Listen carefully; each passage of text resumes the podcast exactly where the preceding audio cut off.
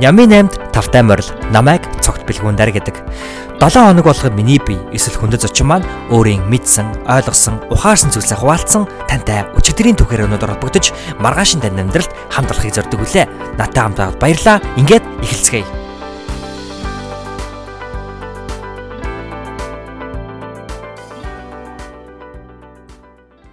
Сайн бацхан сонсогчдоо энхүү Сэхэтэн төслийн хүрээнд бэлтгэн хүргэдэг Нямын 8 подкастынхаа 32 дугаар дугаарт тавтай морилно.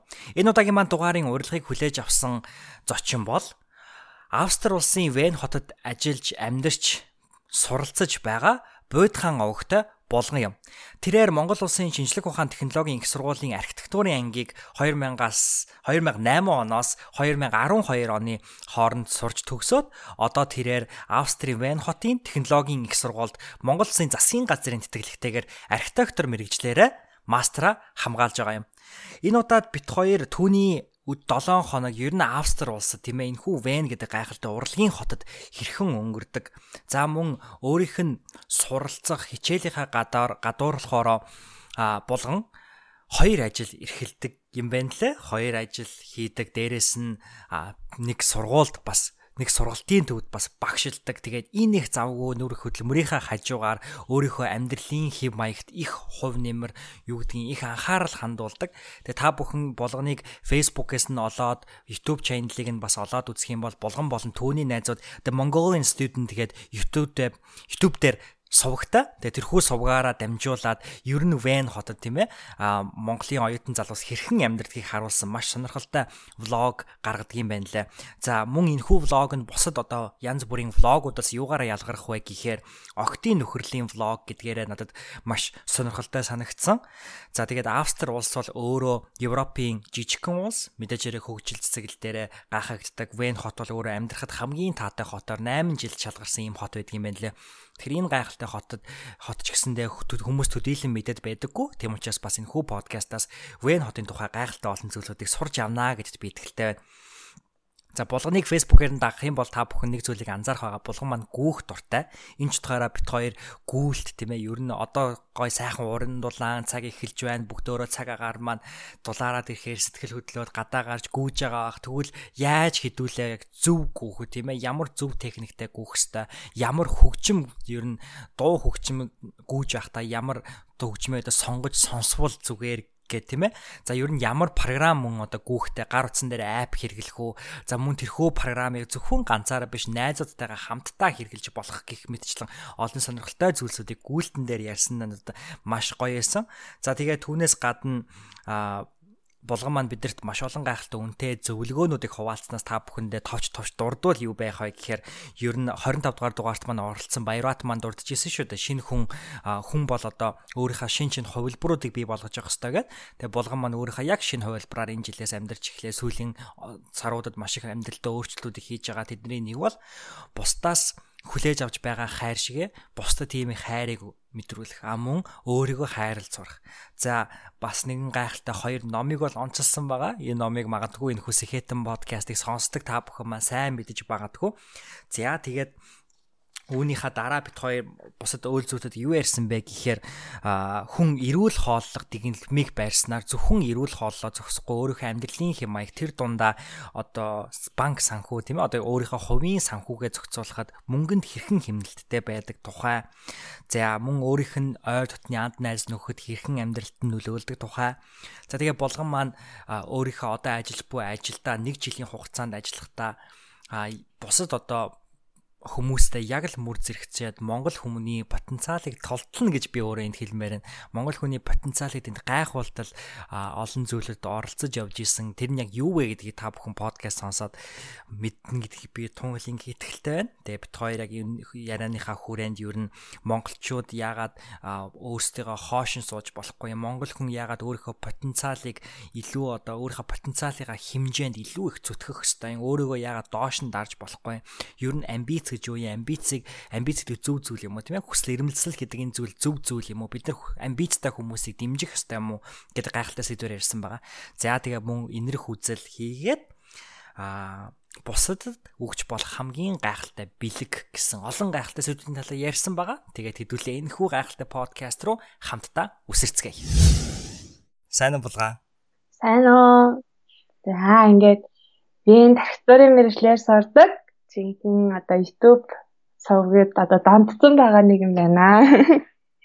Донтцсон гэдэг нь болохоор булган маань өөрөө YouTube сувгийг найзуудтайгаа нийлж одоо хөтэлдэг гэх юм уу те? YouTuber байгаа те? Тийм YouTuber байгаа, шинхэн YouTuber байгаа. Аа. Энэ YouTube сувг нь би ингээд үзэж байхад айгүй гоё сэдвтэй. Тэр нь болохоор октын нөхөрлийн влог гэсэн байсан те. Түүнээс гадна надад влог нь ягаад маш их таалагдсан бэ гэхээр Европын улс орнууд дундаас Австри бол өөрөө их жижигхэн орн штэ. Тэр утгаараа ч гэдэг юм уу.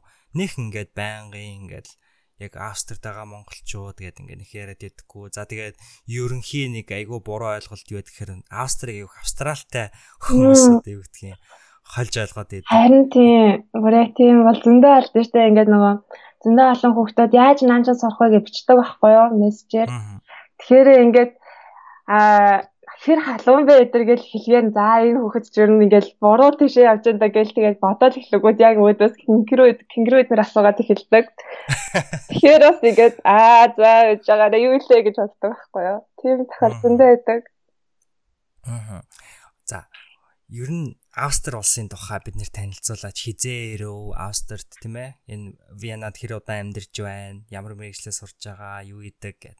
Аа Астер дээрээ болохоор яг одоогийн байдлаар 5 дахь жилдээ болж байна. Аа эхлээд нэг жил хэлний бэлтгэл хийсэн. Нөгөө ямар ч герман хэлгүй байсан учраас ирээ заавал герман хэлний бэлтгэлд ордог. Тэгээд бүх хичээл бол герман, англи холилдож явдаг байгаа. Тэгээд энд одоо манай Венийн техникийн сургуульд архитектурын ангиар сурж байгаа. Мастера одоо одоо ямар ч хичээл үлдээгүй мастрынхаа тезисийг бичгээл хичээгээл байж байна манай Австрийн хувьд болохоор хүмүүс нэг сайн мэддгүй юм шиг хэрнээ бас амар сайн мэддэг хэвээр улсууд энийг яагаад тэлэр нөгөө хатаан CC-гээр бид нар ер нь бол гадарладаг штэ тий. Тэгээ хатаан CC байна. Ирсэн хүмүүс тэрийг айгүй их сонирх тий. Тэгээд түүнээс гадна манай Венч нь өөрөө нөгөө Европын зүрх болохоор бас эмгтээчүүд бас Сваровскигоор бас мэдчихэж магадгүй юм. Аа тэгээд бас Red Bull гэдэр гээд ер нь бол манай Австраас бол ер нь бол бас олон танигдсан юмуд бол нэлээ их байдаг. Бас хамгийн гоё юм нь болохоор жил болгон нөгөө амьдрахад татах хотыг дандаа тэргүүлж яадаг байхгүй юу? Тий. 7 жил дараалж тэргүүлсэн. 8 баха. Тий. 8 дахь юу. За. Тэгээ ер нь бол энэ он дахиад тэргүүлсэн байж тээ. Тий, дандаа л тэргүүлж яадаг амьдрахад маш таатай хот. Тэгээд хамгийн гоё юм нь болохоор миний хувьд ялангуяа би ч нөгөө архитектураар сурдаг урлаг туртай болохоор нөгөө вен бол бүр ерөөсөө хаашаа л харна урлаг харагддаг тийм газар ахгүй юу. Тэр нь маш гоё. Маш олон нөгөө зургийн үзэсгэлэн янз янзын нөгөө э, хөгжим тэр нөгөө вений байс зэрэг гэл те маш тийм урлаг хангалтс их айгуу гоё хот гэж хэлнэ. Урлаг гэхээс гадна нөгөө Моцартын гэр байдаг те. Тийм байгаа шүү дээ. Мм байгаа. Тэгэл Штраус байна, Йохан Штраусих байна. Тэгэл ер нь бол маш алдартай сууднууд бас төрсөн. Ер нь бол ингээ мэдгүй юм шиг хэрнээ ингээ яг хилээд явангууд амар тийм танил байгаа зү тий. Тий. Австрийн арт түмний ер нь байр байдал гэдэг юм уу тэр амьдралын өдөр тутмын хэв маяг ер нь хэрхэн өнгөрдөг вэ? Яа ба мөн одоо чиний хувьд тийм ээ 7 хоног нь яг энэ Австрийн арт түмний дунд ер нь яаж өрнөдөг вэ? Ер нь бол Аа Монголтойгоо харьцуулаад харах юм бол юм ингээд амар удаашралтай явагддаг. Гэхдээ хичнээн удаашрал одоо зүгээр барилгын ажиллаж, замын ажиллаж те зүгээр яг нөгөө би нэвшлийнхаа нүдээс харах юм бол юм нь аюу удаан явагддаг юм шиг мөртлөө цаана амар чанартай хийгддэг. Бүр нэг бүр үнэхээр чанартай хийдэг юмыг тэр нь болохоор нэг төрлийн онцлог нь Тэгээд ажил бас айгүй их таарна. Хүмүүс нь илүү би анх ихтэй бүр гайх байсан чинь нөгөө 3 муруу 4 муруу гэж банк нь хаагдчихдаг. Тэгэнгүүт үүшээгээ нөгөө манай банкны үйлчлэгч амар юм бүтэн байдаг те тийм юм байхгүй. Дэлгүүр мэдгүүр нь бүтэн сайн таагдчихна. Тэгэхээр ерөөсөө хамгийн гоё юм нь юу вэ гэхээр тэр чинь ингээд эрт тарахаар хүнд цаг зав гарна. Цаг зав гарахаар гэр бүлдээ цаг зарцуулж чадна те. Тэгээд гэр бүл ингээд гоё юм халуун дотнойхаар чи хүүхэд өсөөл ингээд тэг хүмүүс нь зөв хөгжөөд яваад идэм болоо гэж боддөө штэ. Аа нөгөө гэр бүлийн уур амьсгалаас бүх юм эхэлж байгаа шүү дээ хүмүүжил өдр гээл. Тийм болохоор ингээд иргэдтэй цаг завын айгуу тийм гаргаж өгсөн. Европ ер нь тийм штэ. Тэгээд тэр талаараа айгуу таалагддаг шүү. булганы нэг 7 хоног ер нь яг яаж өнгөрдөг вэ? Миний 7 хоног болохоор яг өнөөдөр болохоор би ингээд 7 хоногийн 5 өдөр нь аюу завгүй ажиллаад тэгээд яг хагас бүтэн сайныг яг хагасаа өдөр нь болохоор би яг өөртөө бүр яг өөртөө зарцуулдаг миний ганц өдөр. Ингээд спорт хийн зарим үед болохоор ингээ өнөөдөр жишээлбэл гоё кекс хийлээ те. Тэгээд эсвэл влого хийн гэх мэтлээ ингээд нөгөө хагасаа өдөр бол яг миний өөртөө зарцуулдаг хамгийн нандин өдөр. Тэгээд бүтэнсээ өдөр нь болохоор зарим тохиолдолд би нөгөө хуучин ажлын газар руугаа очиж ажилдаг ягаад гэхээр нөгөө би тэнд ажиллаж байхдаа нэг зоч буудлын төсөл эхлүүлсэн.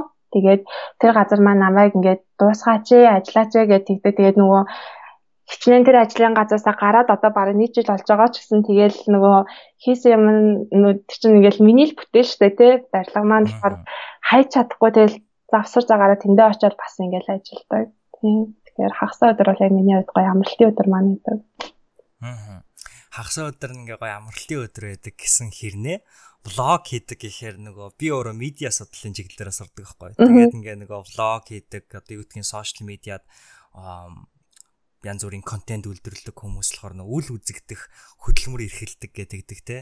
Түүнийхээ хариуд ихэнх эхний эдэн жилдээ ч юм уу ер нь бол ерөөсө monetize хийж буюу мөнгө хийж чаддггүй те. Ерөөсө ингээд хий хоосон гэдэг юм одоо үнгүү ажил хөдөлмөр эрхлээд байдаг. Тэр болгоны хувьд одоо влого яг аль өнцгөөс нь хардаг бай. Нээга яг ингээд яа би айгүй хөдөлмөр орж байгаа шүү дээ ойлгомжтой.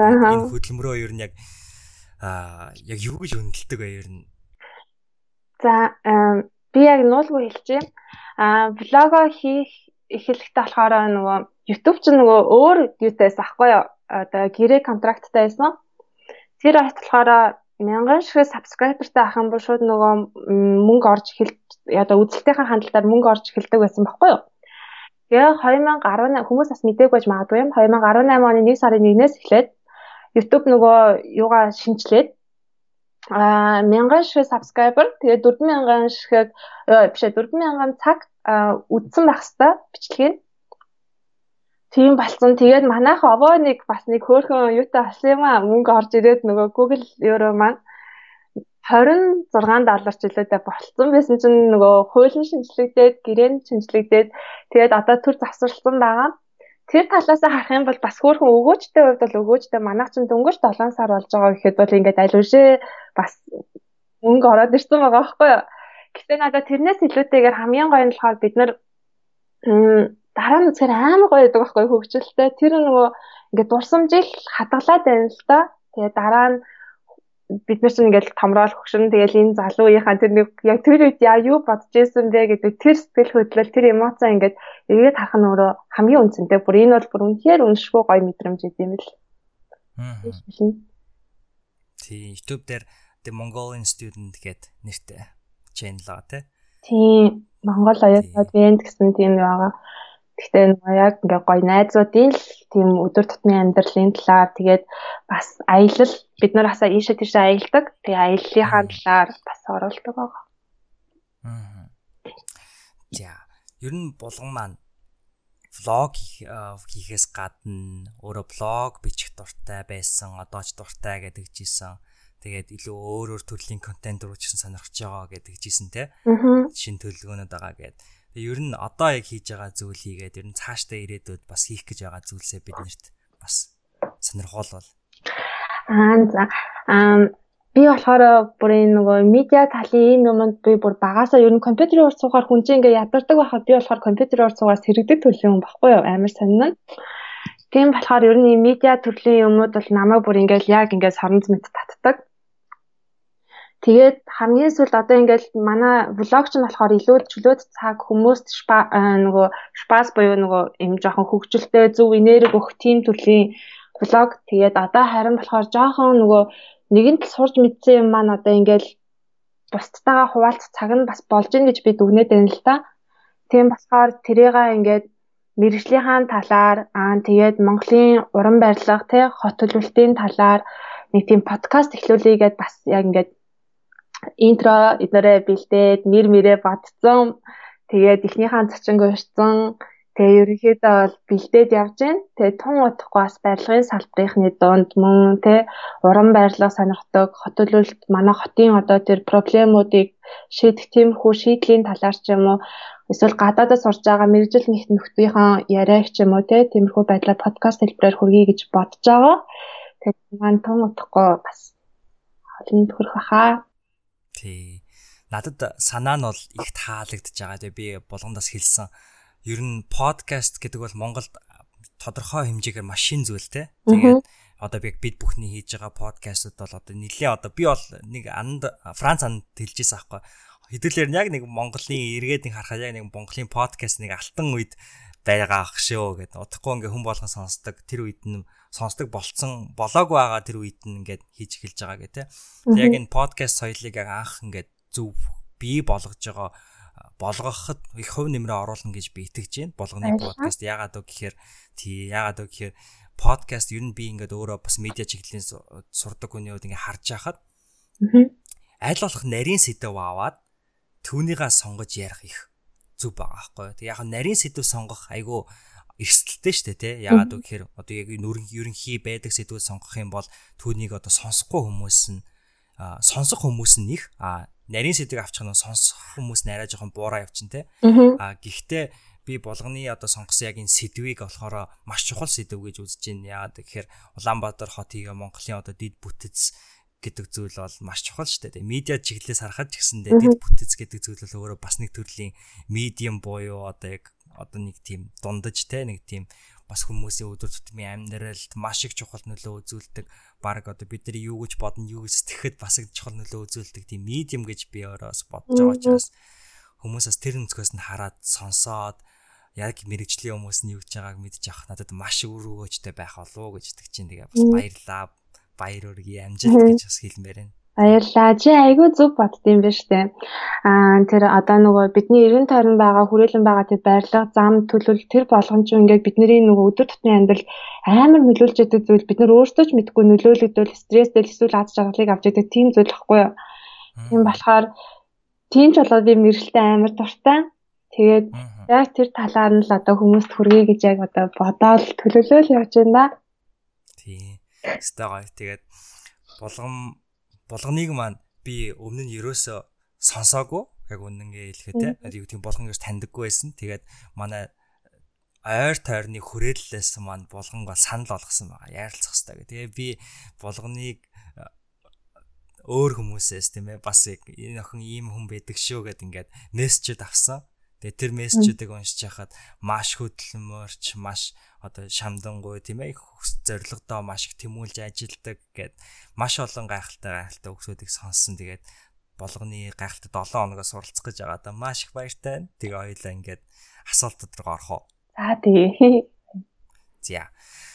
За тэгээд хамгийн ихний Нямын 8-ын подкастын маань асуулт болохоор энэ 7 хоногт хамгийн их талархаж байгаа эсвэл дурсамжтай үйл явдал юу байсан бэ гэдэг асуулт байгаа. Аа энэ 7 хоногт болохоор хамгийн их талархаж байгаа зүйл болохоор талархаж байгаа хүн маань болохоор аа би найз залуугаа хэлнэ. Тэгээд яагаад вэ гэхлээр би болохоор ингээл нөгөө одоо яг энэ он гараад миний амьдралын одоо нөгөө өмнө нь танаа подкастаар орсон нэг юмч залуу байсан шүү дээ. Тэр залуу нөгөө нэг шинэ вершн гэдээ ярьжсэн шиг яг энэ он гараад миний бүр цоо шин нэг амьдралын хэм маяг эхэлсэн баггүй юу? Тэр нь юутай холбоотой байсан бэ гэхлээр манай найз залуутай холбоотой байсан. Тэгээд манай найз залуу маань намайг бүр ингээд хүнийг хайрлаж болох дээд хэмжээгээр хайрлна гэдгээр хайрлаад сая энд ирчээд нөгөө аяллаа нөгөө визээр энд ирчээд явхдаа би жоохон утсан байсан чинь намайг ингээд ингээл өглөөний цаг маань бэлдэж өгөөл ингээл нөгөө намайг өвдсөн байгаа гэл бүх юм маань ингээл асраал намайг хайрлал тэнгууд чи ингээ хүн намайг хайрлаад байхад би яагаад өөрийгөө хайрлаж болохгүй гэж гэдэг тийм мессежүүдийг бүр алхан тутамд өгөөл. Би бүр өөрөө өөрийгөө хайрлаж чаддгүй юм бахтай гэж иччих хүртэл тийм мэдрэмжийг надад өгсөн байхгүй юу. Тэгээд тэр нөлөөлөл маань явсаар хагаад одоо ингээд одоо ч ингээд 4 сар штэ тий? 4 сар дуусч тэр хүртэл одоо ингээд тэр мэдрэмж одоо хүртэл яг шинхэн надад хэвээрэл байгаа хөөх хүнийг ингэж хайрлаж болд юм биш ийм хайр байд юм биш гэдэг тэр мессежийг надад найз залуу маань өгсөн. Тийм ч болоод тэр юм уу тэр мессежээс болоод би ингээд өдөр тутмынхаа амьдралд юм амар хичээж амьдрий гэдэг тэр одоо илүү хайрлж тэр бүх моментуудыг ингэж гоё мэдэрч амьдрах тэр сэтэл маань төрсөн. Тэрнээс болоод одоо жишээлбэл өглөө хасаад би нөгөө өглөөний цайхаа уухгүй гардаг байсан бол одоо бол ингээд нөгөө хүн миний төлөө босоод өглөөний цай надад бэлдээд өгсөн байгаа байхгүй юу. Тэгэхээр би яагаад өөрийнхөө төлөө эрт босоод өглөөний цайгаа уучих болохгүй гэж гэдэг тийм л наад захын хамгийн энгийн жишээ. Тэгэж бодоод одоо яг одоо өнөөдрийг хүртэл амар зөв өглөө эрт босоод өглөөний цайгаа уучаад тэгээд ингээд номоо уншаад жоохон ингээ өөрөө өөртөө ярилцах цагаа гаргаад нөгөө ингээд хам хум гарах биш ингээд өөртөө өглөөний тэр нэг гоё моментыг бэлгэлж чадчих байгаа. Тэгэхээр би яг тэр шин дадал зуршлыг надад өгсөн найз залуудаа би баярлаа гэж хэлнэ. Тэгээд үнэхээр баярлж байгаа. Тэр бол одоо миний амьдралд маш их өгөөжтэй зүйл байлаа л да. Жишээлбэл хамгийн анх тайрна нөгөө номын хилцүүлэг явдаг гэсэн шүү дээ. Түрүү жил заяа. Би бүр яг сандын би найздаа отхоодоо амар мундаг залуучуудаас хэдэн гээд ийм групп байна гэж би танах нөгөө apply хий нөгөө шинэ гişүүд авч яах гэж тэгжсэн санаж байна. Тэнд чинь бүр бүгэлж мөглж бид хоёр орж исэн баггүй юу? Тийм мундаг залуучууд байна гэ. Хоёлаа бас ингээ сар алга ном ном шиг гээл ингээл явж исэн аа. Гинт нөгөө амьдралынхаа хэм маягийн нөгөө ачаал дундаа ингээ холилдож явсараагаад нөгөө номоо уншижсэн аа гинт нөгөө төн буураад тэгэл ингээл бүх юм маань замхарсан байсан.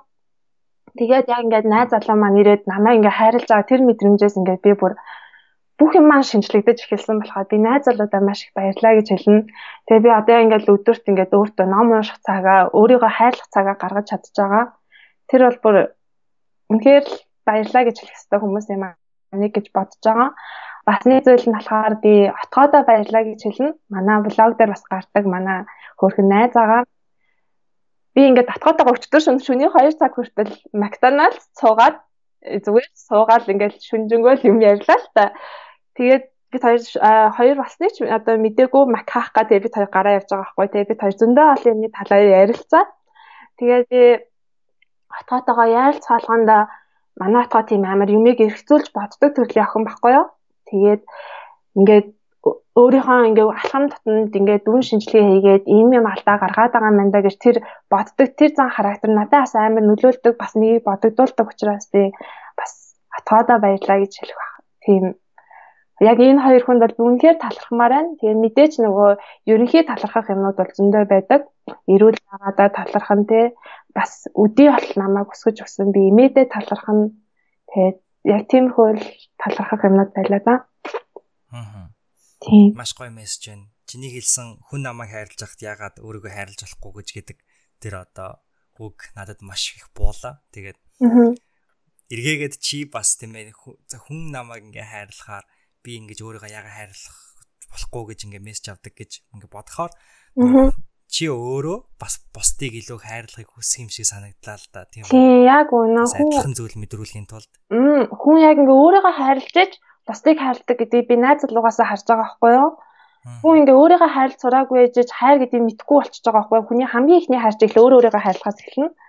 Тэгээ тэрийг мэдхгүй ээжж яаж бусдыг хайрлаж эхлэх вэ те? Тийм болохоор яг одоо надад тэр мэдрэмжийг төрүүлсэн учраас би найз залуудаа үнэхээр их баярлаа гэж хэлнэ. Гэтэ бид хоёр нэрээ амар сонирхолтой түүхээр учирж исэн баггүй юу?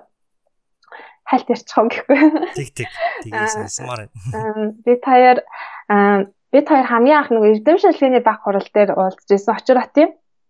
Тэгээд би тэр үед нэг юм ногоон дээвэр болон нөгөө 40 50 мянгатын дээврийн талаар юм ихтгэл бэлдээл ордог баггүй юу? Тэгсэн чинь манай найз залуу тухайд намайг харчаал за өөр асуулт байна уу? гэл тэнгуут л манай найз залуу юм асуугаал. Гойд би танихгүй байгаа шүү. Нэг залуу юм асуугаал. Тэгэл дараагийн асуулт байна уу? гэнгүүт дахиад асуугаал. Тэгэл би бүр тэнд чинь сандарч ядж байхад ингээ хүн юм асуугаад байгуул. Би бүр ямар хэцүү юм бэ? гэл амар тэгээс хаталтаал тэгэл дараа нь гарч ирсэн чинь манай найз залуу чинь тэр үед ийм нэг ном байдیں۔ Одоо чи энэнгээр дахиад бэлтгэх юм бол дараагийнхаа шатанд ингээд орж олно гэд тэгээ би тэндээс 3 дугаар ярианд орчоод дараа нь улсынхаа хэмжээнд эрдэмтдийн баг хуралдаа ороод Тэгэд нэгдүгээр авч ирсэн байхгүй юу? Тэр материалын бэлдсэн юм ингээд нөгөө э, сайжруулж ороод хүүхдүүд болохоор ерөөсөө презентацийн бэлд сайжруулаагүй л орсон байсан. Аа би болохоор жоохон сайжруулад орсон чинь л тэгээд нэгдүгээр байранд орсон. Тэгээд анх танилцчаад тэгээд би тоодгүй байваа. Ерөөсөө тоодгүй. Тэгсэн чинь манай найз залуу чинь бичин тэгээ би тоохгүй тэгэхээр ерөөс дахин дахин бичээд байхаар аюу төвхтэй санагдаад тэгэхээр найз залуутай ажиж хэлж үзэл тэгэл ерөөсө болохгүйсэн чинь нэг удаа би Монгол руу нэг юм имээргүй юм явуулах хэрэгтэй болчоод тэгээд уудаг байхгүй юу найз залуугаа тэгсэн чинь Аа тэр үед яг нөгөө манай машинтай найзууд маань бүгдөө хотод байхгүй байж таарад тэгээд за тэгээ нөгөө авч явсан хүмүүс маань шууд Эрдэнэт явах гэдсэн. Тэгэхээр нь гуйсан чинь харин аваачж өгөөд тэр цагаас хойш манай эмээ дээр очиод бүр ингээд манай эмээг амар хайрлал манай эмээг чинь найзуудтайгаа уулздаг хүртэл манай эмээг дагуулж яваал агаар салхинд гаргаал манай эмээ ганцаар байдаг байхгүй юу. Агаар салхинд гаргаал тэгээл бүх юм манай эмээтэй цог хийгээл те. Тэгээл ингээд Тэгэнгүүт шахан анхаарал өртөөл эхэлж байгаа хгүй. Тэгтээ бас тоогоогүй. Тэгээд саяхнаас бид хоёр ч н одоо эхэлж байгаа байхгүй юу. Тэрөөсөө таадгүй байж байгаа. Тэгээд үнэхээр л тэ миний эргэн тойронд байгаа хүмүүстэй маань ингээ хайрлаад эхлэхээр хүн ингээ бүр яалтчгал уурдсан байлээ. Аа. Маш гоё хайрын түүх байна. Ямар сайн залуу вэ? Ямар сайн залуу. Аа. Тийм маш гоё хайруулт өглөө. Сайхан хайрын түүх хийгээд гайхалтай түүхэдээ хуваалцсан маш их баярлж байна. Өөрөө найз отхоотой бас ярилцсан тэр нэг сайхан ярилцаад суух юм гоё штэ тий. Тийм. Аяа шүн хүртэл тэр түүхээ ч гэсэн хуваалцсан зөндөөх баярлалаа. Тийм. Хоёлаа ингээд хоёрдугаар асуулт руугаа орох уу? За тийм. За. Энэ 7 хоногт онцлог манай сонсогч нарт ном, сонин, медиа артикл эсвэл дижитал контент юу байсан бэ? За, номны хувьд болохоор би яг одоо сая өчтөр энэ үржигдээ нэг намаа уншиж дуусгалаа л да. Тэр намыг болохоор хамгийн анх би дуучин Уука нөгөө нэг ярилцлагандаа хэлжсэн байхгүй юу. Та хамгийн сүүлд уншсан сэтгэлд жоо хоногсон ямар ном байдаг вэ гэдгсэн чинь Мегмар гаргийг Morita гэдэг нэг Tuesday with Mori гэдэг номыг санал болгож ирсэн. Тэгэхээр би тэрийг аа гэл сонирхолтой л нэртэй ингээл тэгэл бодоод өнгөрсөн уншаагүй. Тэгсэн чинь бас саяхан дахиад нэг хүн санал болгоод Тэгэхээр нөгөө намын захиалж Amazon-оос аваад тэгээд уншлаа л да тэгсэн чинь бүр ингээл ямар гоё ном бэ? Би бүр энэ номыг үнэхээр бус хүмүүсийг бас уншаас уншаасаа гэж амар хүсэж байгаа. Надаа монгол хэл дээр асаагаа тэр ном маань хэрэг хүсвэл би бас онлайн байдлаар нь өгж олно. Тэр нөгөө юу утсан дээр унших байдлаар нь. Тэгээд тэр ном дээр болохоор юу байсан бэ гэхээр тэр нэг спойлердож болж үгүй юу. Гэтэ Амаш Лесэн тэр нөгөө нэг настай профессор нөгөө Стивен Хокин шиг өвчтэй болцсон. Тэгээд яг ингээд нөгөө өнгөрөхгөөд одоо тэр нөгөө үхлийн ирмэг рүү ингээд алхам алхмаар явж байгаа тэр моменттой нэг сурагч нь одоо ингээд уулзаа тэгээд хоёр дахь өдөр алхам тэр хоёр ингээд амьдралын чухал сэдвүүдийн талаар ярилцж байгаа тийм ном байгаа байхгүй юу.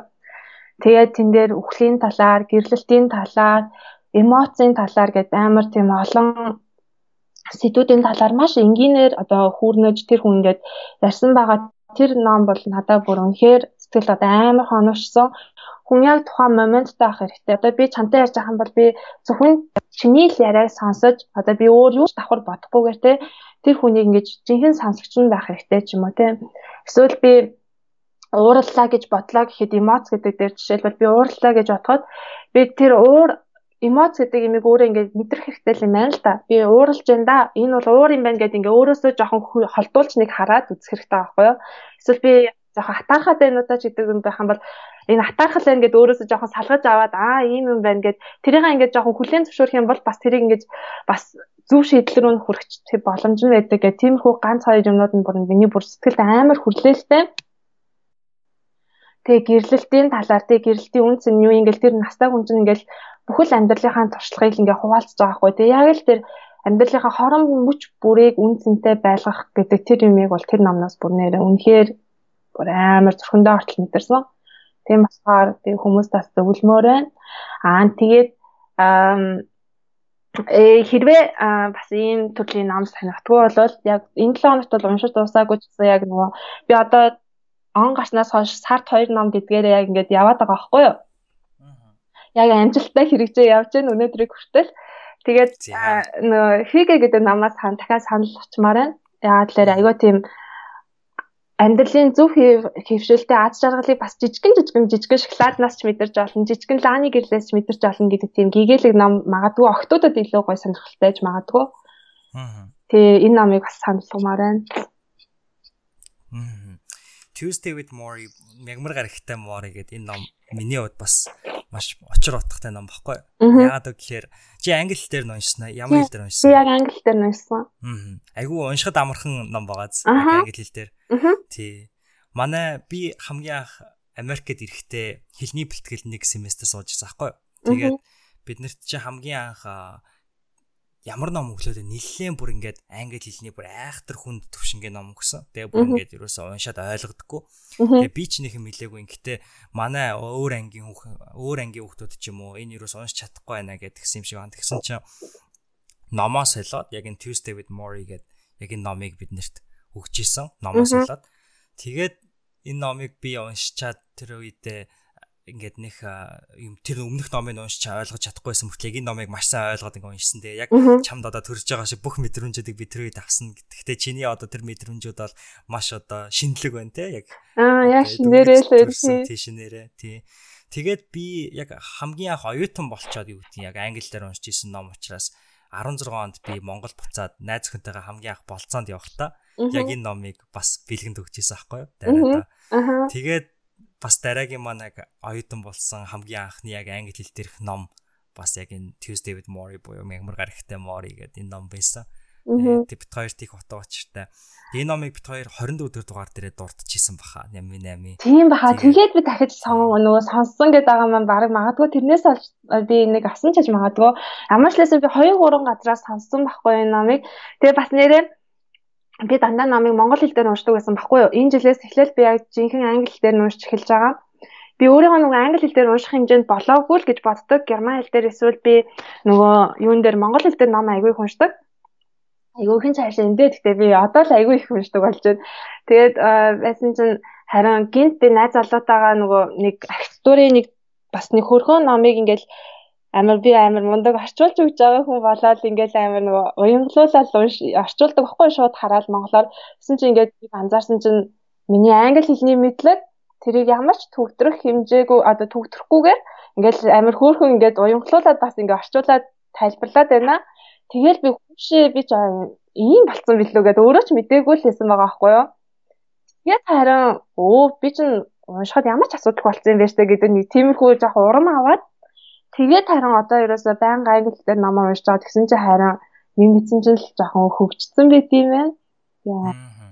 Хэл дээр нь унших бол үнэхээр гоё юм байлаа. Одоо нуяа битсэн хэл дээр нь унших. Монгол хэл дээр нь бас байгаа гэсэн тий электрон байдлаар. Тийм би ихлээр нөгөө энэ номыг монголоор нь уншиж эхлүүлээд тэгээд яг би нөгөө хэл дээр унших нь гоё гэдгийг тэгж мэдэрч байгаа байхгүй юу? Нөгөө эхлээд би 10 дугаар хуц хүртэл монголоор нөгөө утсан дээр уншаад нөгөө ном маань ирээгүйсэн. Тэр ном маань ирэнгүүт нь үргэлжлүүлээд уншаа явсан чинь ингээд үнэхээр баг зэргийн ялгаа бол мэдрэгддэг юм байлээ. Аа. Тийм тэгээд яг чиний хэлжсэнээр хүн болгоны номыг уншаасаа гэдэг би бас яг тэгэж боддог. Тэгээд бүгдөө хэрвээ энэ номыг уншамаар байвал болгонтой холбогдоод монголоор нас авчлах юм байна те. Тийм болно. Аа. Гоё ном үнэхээр бусдаа хуваалцаж уншаасаа гэдэг тийм л ном байлаа. Үнэхээр гоё ном. Миж альбомын бичсэн бас нэг ном байдаг. Энийг болохоор яг эсэргээр буюу маа найз өхөн надад санал болгосон байхгүй. Тийм тий. Тэваажинд уулзах 5 хүн гээд. Тий. Тэр номыг нь болохоор би уншаад бас 26 дугаар дугаар дээр яг тэр 5 хүнийхэн тухай тайлбарлаад яриа хийсэн байдаг. Тэгээд сонсож байгаа хүмүүс маань сонсч болно шүү. Харин тийм. За, стогой хариулт байна. Маш гоё номноос санал болголоо. Тэр Хью дайнчуудын тухай ном байж тээ. Хью гэсэн. Яаж бичдэг вэ? Англиар бичдэг. H Y оо яна би нөгөө юугаараа германаар ярьж байна. H Y G G E гэж бичдэг. Хүйгэ гэж уншдаг юм байлээ. Би нөгөө аудио хэлбэрээр нас давхар сонсоо явцсан байхгүй юу? Нөгөө одоо нөгөө дуудлага муудлага сайжруулъя гэдэг утгаараа би бас аудиогоор нөгөө Amazon-ы хэрэглэгч олонгууд үнгүү татах хэрэг болдог. Тэнгүүд нь давхар сонсоо явцсан. Яг хүгэ гэж уншдаг байлаа. Зөв зөв. Тийм тэгээд блог дээр оруулчин те манай блог руу ороод тэгээд сонсож байгаа хүмүүс маань уншиж болно шүү. Сонирхож болно шүү гэд. За ингээ хоёлаа 3 дахь асуулт руу орох уу? За тийм. За энэ 7 хоногт хийсэн, үйлдсэн хамгийн сэтгэлийн таашаал кайф авсан зүйл юу исэн бэ? За энэ 7 хоногийн үед болохоор би ингээд нөгөө амар сүүлийн үед гүдэг челленжтэй болсон. Тэгээд харамсалтай нь яг одоогийн байдлаар бол би хөлөө гимтээсэн байгаа. Тэгээ яг нөгөө челленж маань дундаа яг ингээ гацчлаа л да. Тэр нь жоохон харамсалтай ч гэсэн би яг үнэхээр гүйж захтай амар гой таашаал авдаг учраас энийг би сонсогчтойгоо хуваалцмаар санагдаад байна. Яг л анх одоо манай влог дээр байгаа Намуна гэдэг найз маань нэг өдөр ингээл өглөөс ирсэн чинь 100 өдөр гүцгээ гэж чаленж төрөөжл эхлүүлсэн байсан. Тэнгүүд нь ягаад ч 100 өдөр гэдэг та харсан чинь надад амар амархан санагдаад би хэрэв 3 сар гэдэр гэж сонсон бол бас хөө зуны 3 сар тасралтгүй гөх юм гэж батгал байсан баг л та. Тэгээ 100 өдөр гэсэн чинь надад амар амархан санагдаад тэгэл би тухайн үед төрөө 100 эхэлжсэн баггүй юу. Тэгээд гүйж агаад хүүтрээ тэгээд зогссон. Нөгөө яг нөгөө хожоо эхэлсэн болохоор нэлээд хожоо эхэлсэн болохоор тэгээд дулалан тараа тэгээд зогсцсон.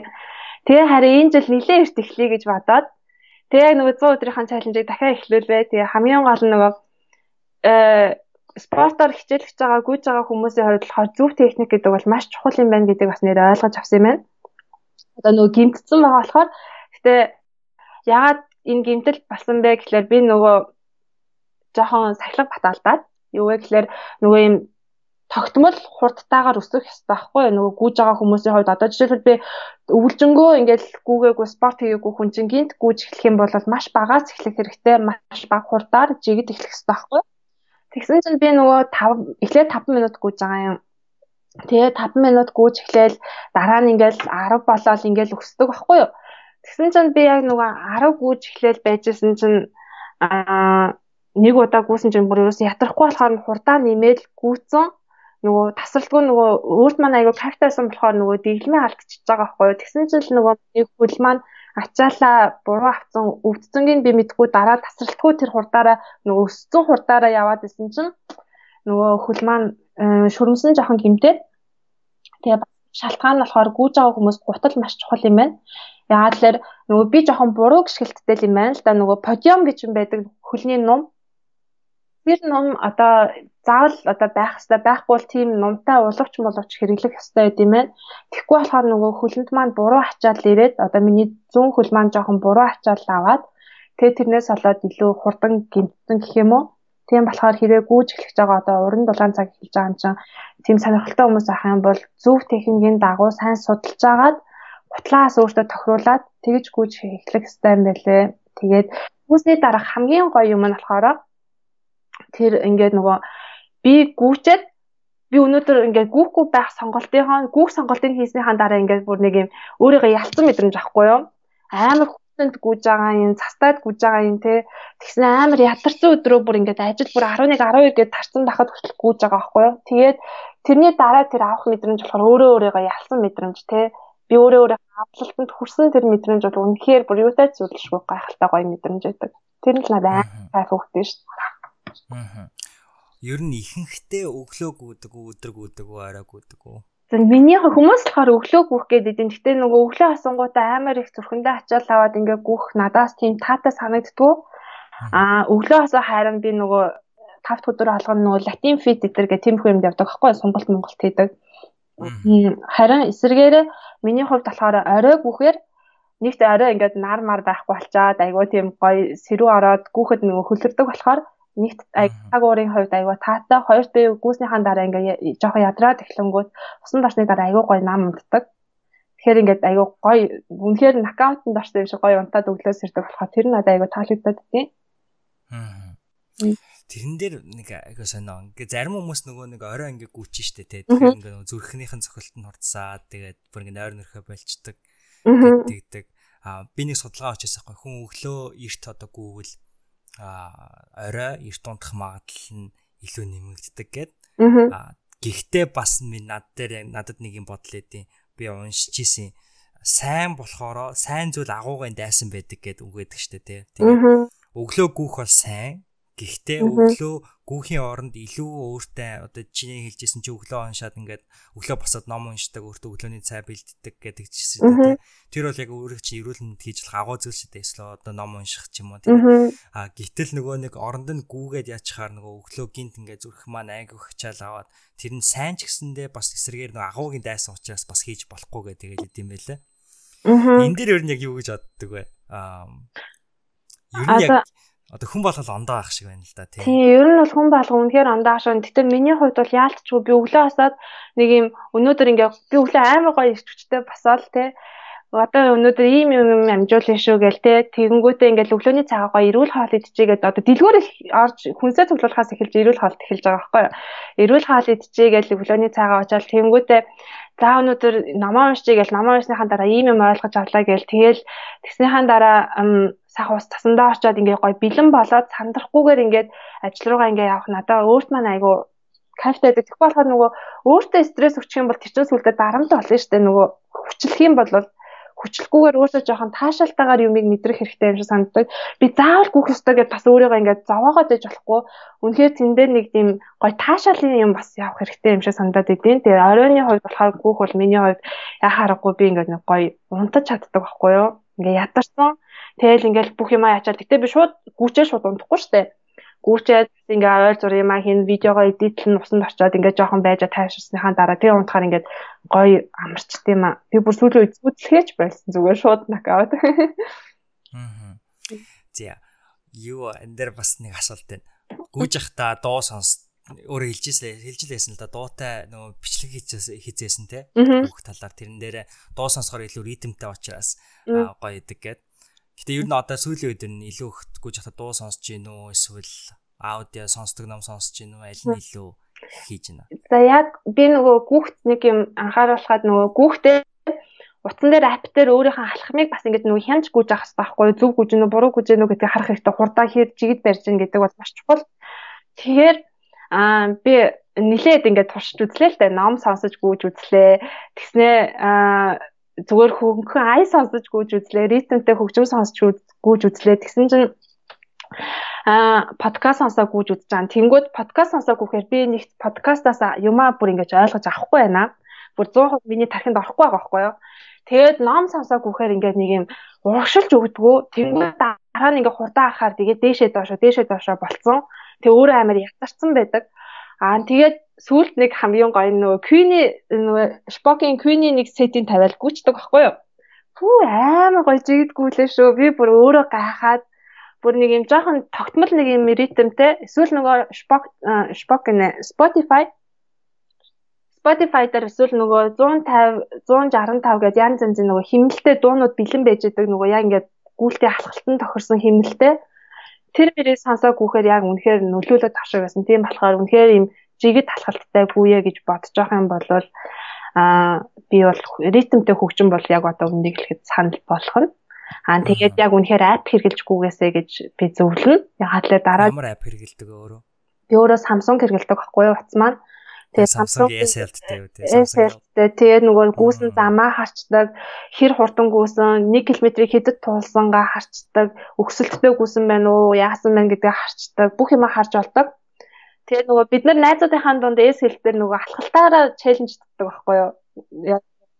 Тэр нөгөө бидний дунд байдаг. Тэгээл бид нар аль болох нэгнээсээ илүү алхахыг хүсч хийдэг гэх юм уу.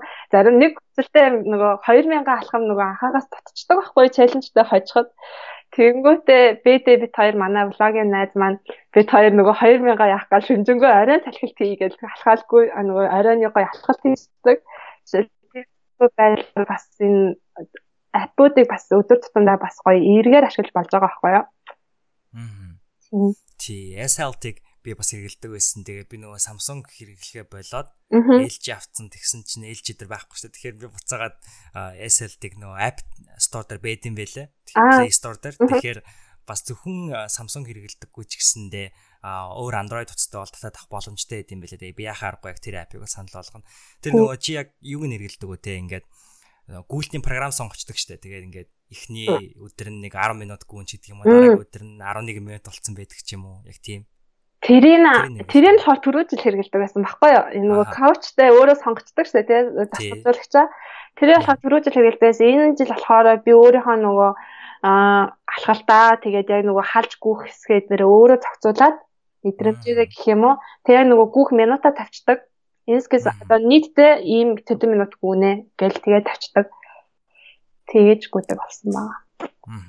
Тэгээ айгүй гоё авчиртай. Чихэнд одоо та ингээд жоохон нөгөө тэр яг нөгөө дасгалжуулагчтай гүйцэтгэх нь болохоор хүмүүст зөвлөхөд за гүүгээ дагаараа яг болж шүү, жигэд болж шүү гэл ингээд зөвлөдөг штэ тий. Тэр нас айгүй гоё санагддаг ш надаа.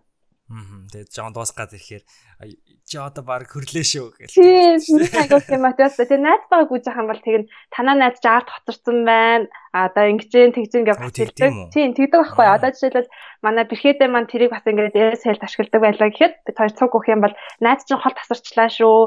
Эсвэл найзаагаа жоохон хүлээх үү, яах уу гэд бас тийм их юм бас явдаг. Тэрнээс айгуу гоё. Тэрийн нэстэ мэдээг юм байна. Тийм, ястаа гоё тэр. За, одоо гүйлт дээр хамгийн сүүлийн асуулт. Гүйлт дээр ингээ гүйлтийг би болохоор хоёр хэсэг гэж боддог байхгүй. Нэг нь болохоор яг ингээд за гурван хэсэг ажиллах юм байна. Чиний хэлжсэнаар ингээд айгүй орой ингээд ядарсан байхдаа ингээд жоохон гүмээргүй санагдал те. Тэг яг гүйж эхлэх тэр нэг хэсэг. Тэг гүйж эхлээд нэг хоёр дахь хэсэг. Тэгээд гүйж эхэлж байхдаа өө эн чи хайр сансныг бодол гайгүй ш тэгээд ингээд тэгээд гурав дахь хэсэг нөгөө чиний хэлснээр ялцсан мэдрэмж авдаг те. Тэр ялцсан мэдрэмж нь ер нь нөгөө эндорфинтэй холбоотой юм шиг байна л да. Аж аргалын дөрөв гормоны нэг эндорфин их хэмжээгээр ялгардаг. Тэг хүн нөгөө эндорфин ялгарчаар би нөгөө нэг найз хүнтэйгээ ингээ воркаут хийчихэд бит хоёр дандаа ингээ баг воркаут хийснийхаа дараа бит хоёр нилээх шин шин санаанууд ирдэг байхгүй. Чиний хувьд яг гүйсний дараа тийм зүйлүүд болдог уу яг ингээл амар гоё ичж аваад. Аа болсон дээ. Одоо хамгийн сүүлийн бүр яг хамгийн сүүлийн шинхэн э, шин санаа орсон юм чи болохоо манай подкаст одоо миний хийх гэдэг подкаст тахгүй юу. Гүүж орж ирчээд тэгээ яг бүр ингээд нөгөө яг надад тийм подкаст хийгээд санаа гүүж авах явц төрөөд нөгөө хүн чинь гүйж явах хастаа бас ингээ хөгжмөө сонсох бас юм бодоол гүдэг штэ тий. Тэгээд яг нөгөө гүйж явахдаа төвлөрөхөөр ингээ цагаа хизээ дуусна гэж гүөх юм бол ингээ ерөөсөө явж өгдөггүй тий ингээ гисэн шид юм бодоол өөрийнхөө юм боддог аахгүй юу? Тэгээд гүйжсэн чи хараа ингээд ер нь ингээд одоо өөрийнхөө юмыг яах уу хүмүүст яаж хүргэмээр эндээ ашигтай мэдээлэл яаж өгөх вэ гэж бодож байсан чи харин подкаст хийгээд санаа төрөөд одоо энэ одоо мундаг залуучууд хийгээд байгаа юм чинь гэдэг тийм бас мотивац байсан болохоор тэгээ гүйж авах хацаа тэр мэдрэмж одоо хий гэдэг тийм шийдэл төрсөн. Тэгээ ер нь гүйж авах хацад бол маш гой гой санаанууд бол бүр байнга төрдөг. Би бол тэрийг үнээр 100% хүлээн зөвшөөрнө. Аа.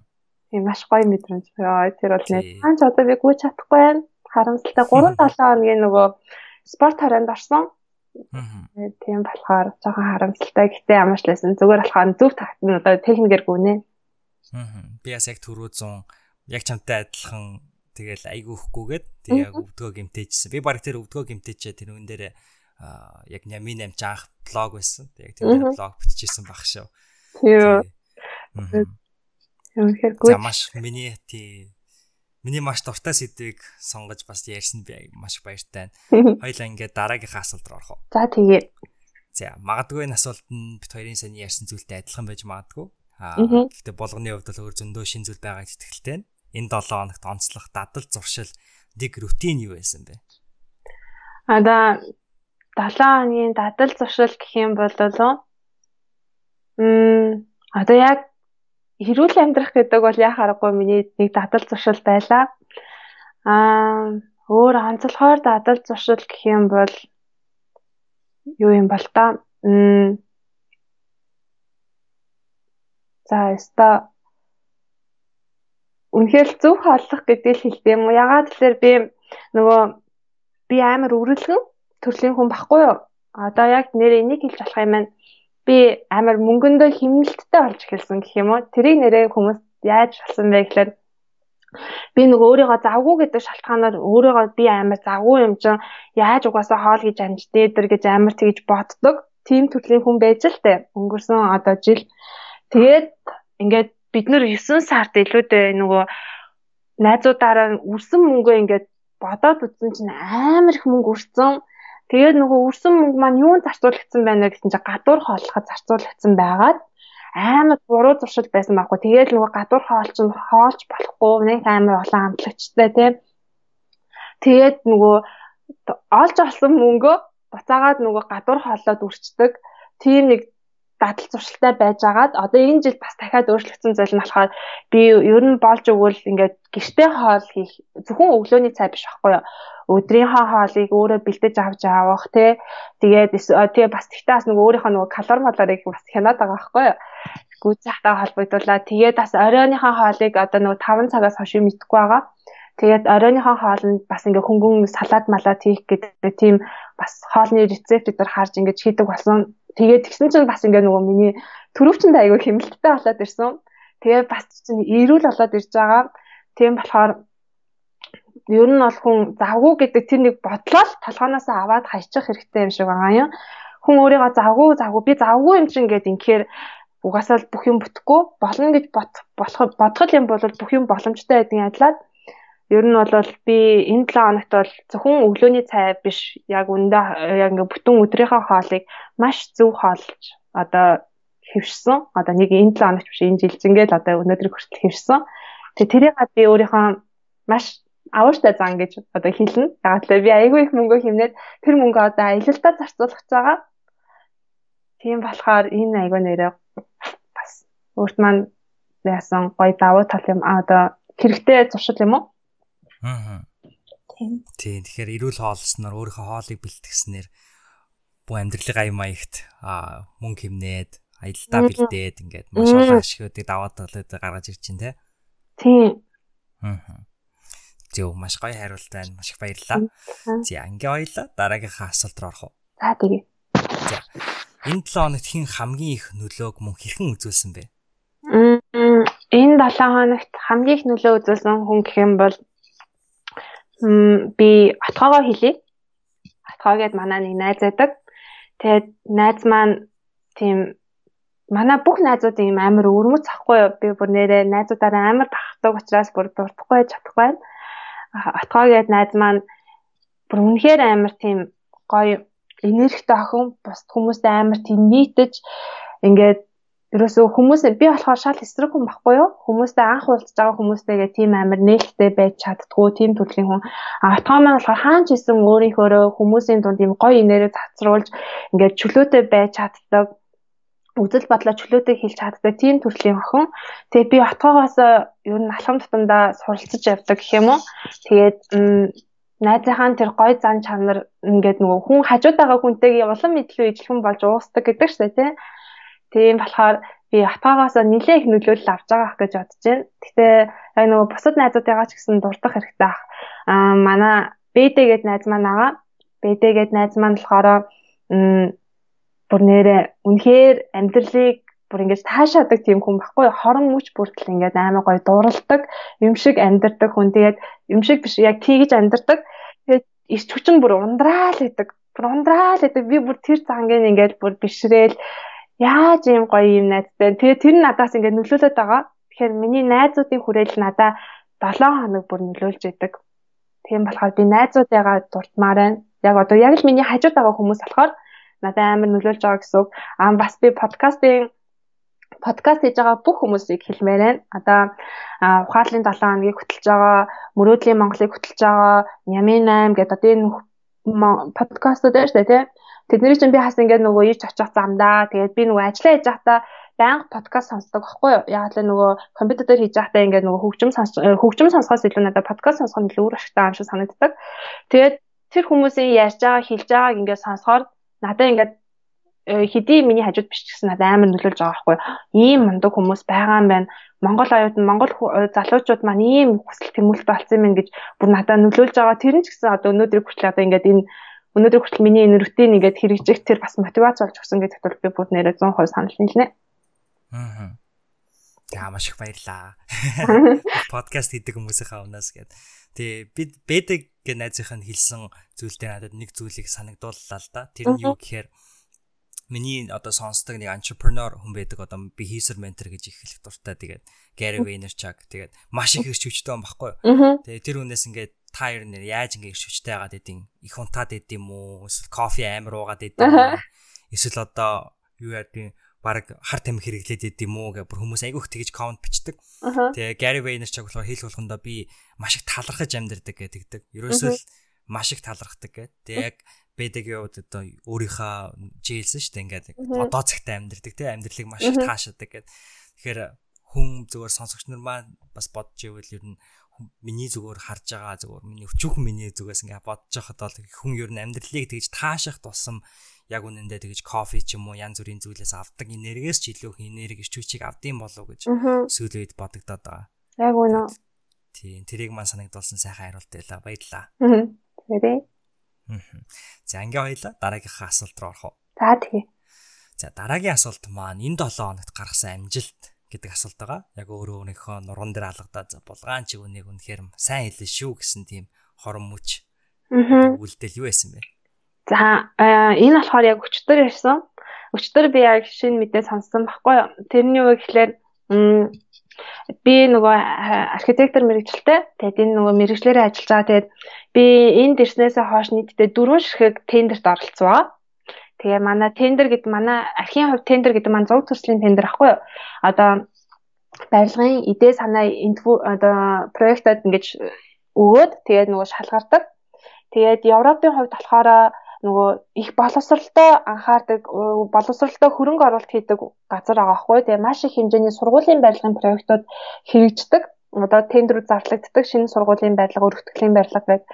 Тэн дээр одоо би сая дөнгөж сая өчтөр нөгөө дөрөв дэх тендерийн хариуг хараад гэхдээ эхлээ хэлжээ би ялаагүй манай баг ерөөсөө ялаагүй гэхдээ яасан бэ гэхээр би чинь энд ирээд шинхэн байгаа штэ би энэ компанид ажиллаад одоо дөнгөжл нэг жил ингээд бүтэн болж байна Тэгээд энэ нэг жилийн хугацаанд шинэ компанид ажиллаад нэг жилийн хугацаанд би дөрвөн тендерт орохдоо эхний хоёр тендер дээр би бүр шууд эхнийхээ ранк одоо нөгөө нэгдүгээр тойргоос хасагдсан баггүй юу.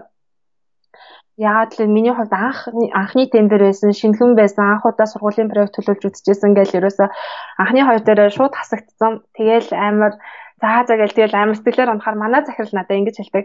Зүгээрээ эн чинь ингэж лото шиг зүйл ахгүй зүгээр зүгээр гэл намайг амхандаа л аргадж байгаа байхгүй юу? Яг нөгөө 100% би ингээд би дагаад хийдэг нөгөө хариуцлагын үрээд хийдэг болохоор тэгэл такснэл дараа дандаа тэгдэг ялагдсан гэдэг мэдээ сонссны дараа зүгээрээ дахиад хийх үү хиймээр байна уу чи чамд хүсэл байна уу гэж надаас байнга асуудаг. Тэгэхээр би амар айж байгаа ингээд сандарч дахиад яана гэж бодож часан би хий гэдэг аахгүй юу. Надаа дахиад хийх хүсэл байна гэл. Тэгэл дахиад 3 дахь тендер авсан.